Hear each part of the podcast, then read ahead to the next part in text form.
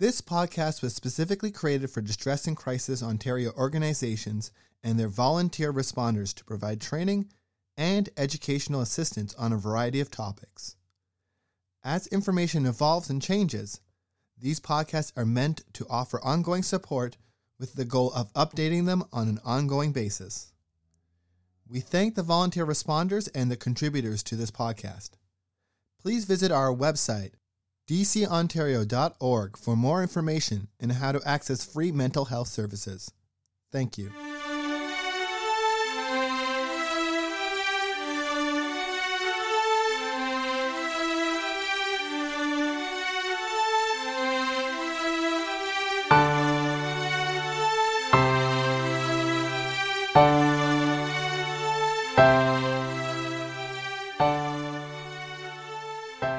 Hello, my name is Caitlin Plant, and I am the Program Manager at Distress and Crisis Ontario.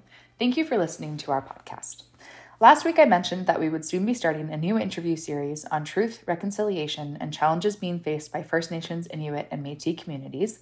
However, due to scheduling conflicts, we aren't quite ready to begin sharing these episodes. Instead, this week, as World Suicide Prevention Day approaches, my daughter and I will be having a conversation about suicide. Following our conversation, I will be sharing some resources related to suicidality and suicide loss, as well as an announcement about an exciting collaborative project DCO has undertaken with a local agency to be released on September 10th, which is World Suicide Prevention Day. As always, I won't be sharing my daughter's name to protect her privacy, but I'm very grateful to her for having conversations like these with me. If you find anything we discussed today challenging to listen to, please take care of your own mental health needs and take whatever measures you need to protect your well being. So, kiddo, thank you for joining me today. Yep. When I say the words suicide prevention, what do you think that means? When I personally hear the word suicide prevention, um, it makes me think of the tools and the steps that we as people can take to prevent committing suicide.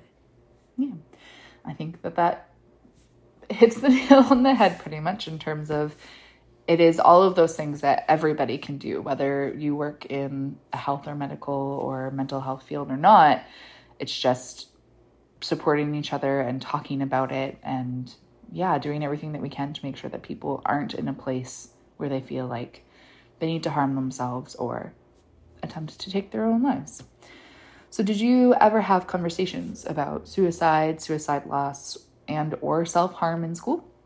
Um, yeah, we talked a lot about um, suicide, suicide loss, and self harm in school, and um, what we would do if we ever felt that way, or if someone near us felt that way. Um, and I think that's good because even at our age of 11, 10, maybe 12, um, something can be happening in anyone's lives, and it's important that everyone kind of knows how to deal with it. Mm-hmm. So you kind of mentioned that there, but what would you do if somebody came to you and told you that they were thinking of harming themselves or ending their own life? So I think at first I would actually like kind of question them and be like, "Are you sure?" Like stuff like that, and like try talking them out of it. While also I would tell either a known trusted out of theirs, or if they don't happen to have one, one of mine. Mm-hmm. So I think that that is a completely understandable response, but something that stands out to me in there is that you would try to talk them out of that.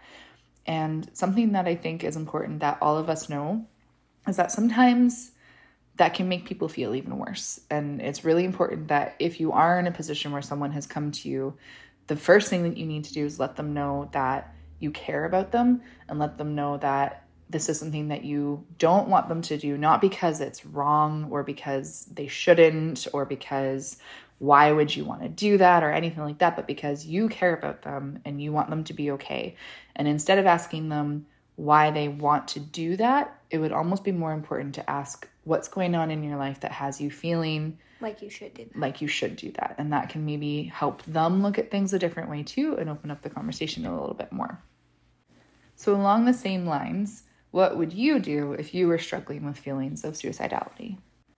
Well, I'm lucky that I have plenty of people in my life who I can talk to about whatever's going on with me. So they'll be understanding and willing to help. So I would probably go to one of them.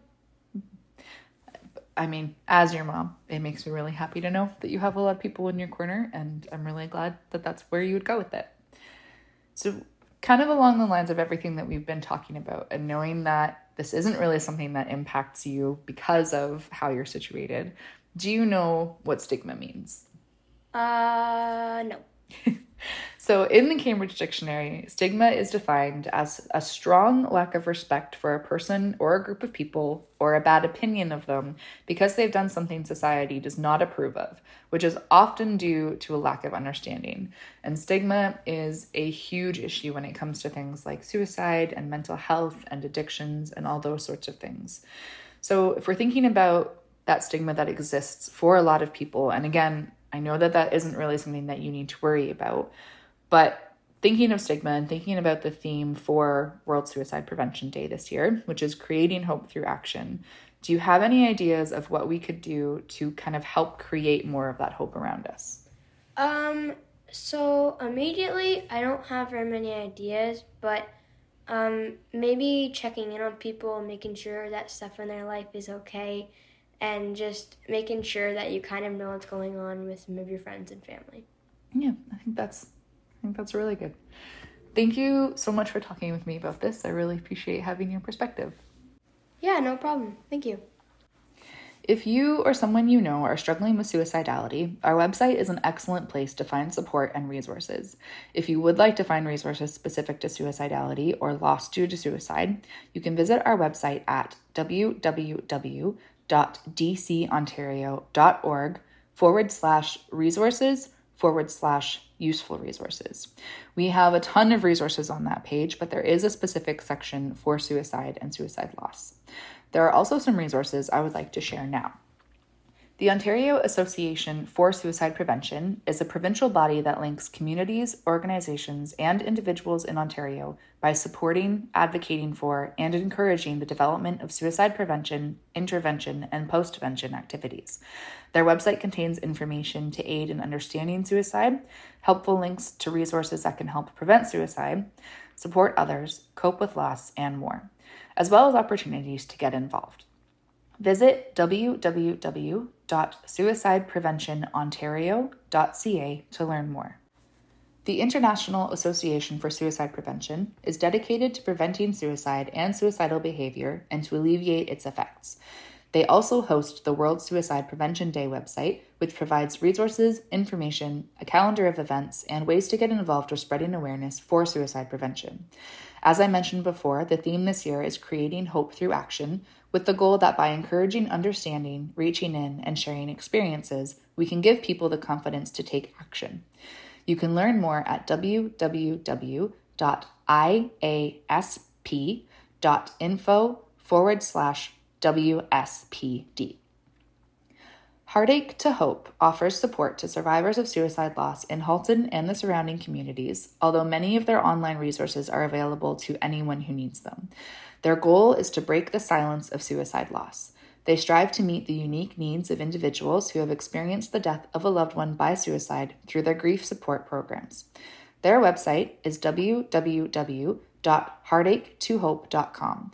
That's heartache followed by the number 2 hope.com if you would like to learn more.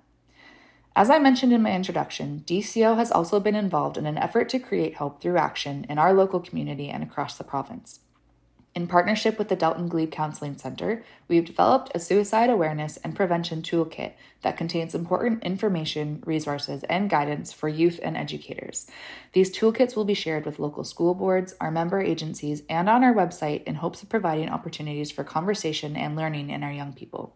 Being a young person is tough, and feeling isolated and misunderstood is a normal part of growing up.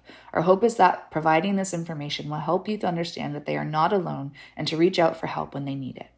The kit will be available on our website as of World Suicide Prevention Day on September 10th, 2022. Thank you for listening to this week's podcast. If you need support or if you just need someone to talk to about what's going on in your life, please don't hesitate to connect with your nearest member center and or ONTX. You can find your nearest center by visiting www.dcontario.org forward slash locations.